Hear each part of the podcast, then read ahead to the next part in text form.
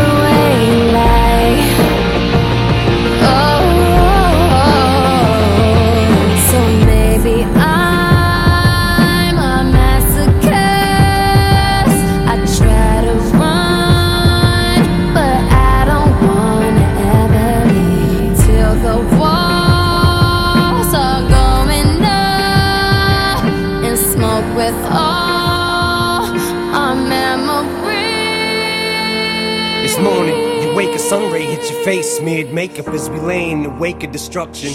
Hush, baby, speak softly. Tell me you're awfully sorry that you pushed me into the coffee table last night so I can push you off me.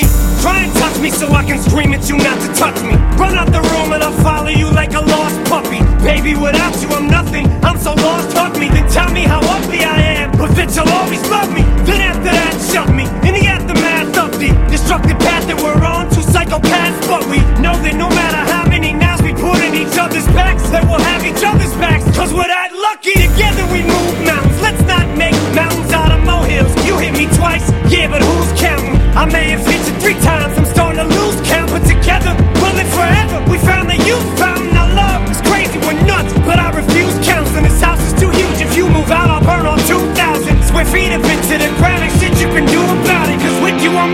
fucking mind without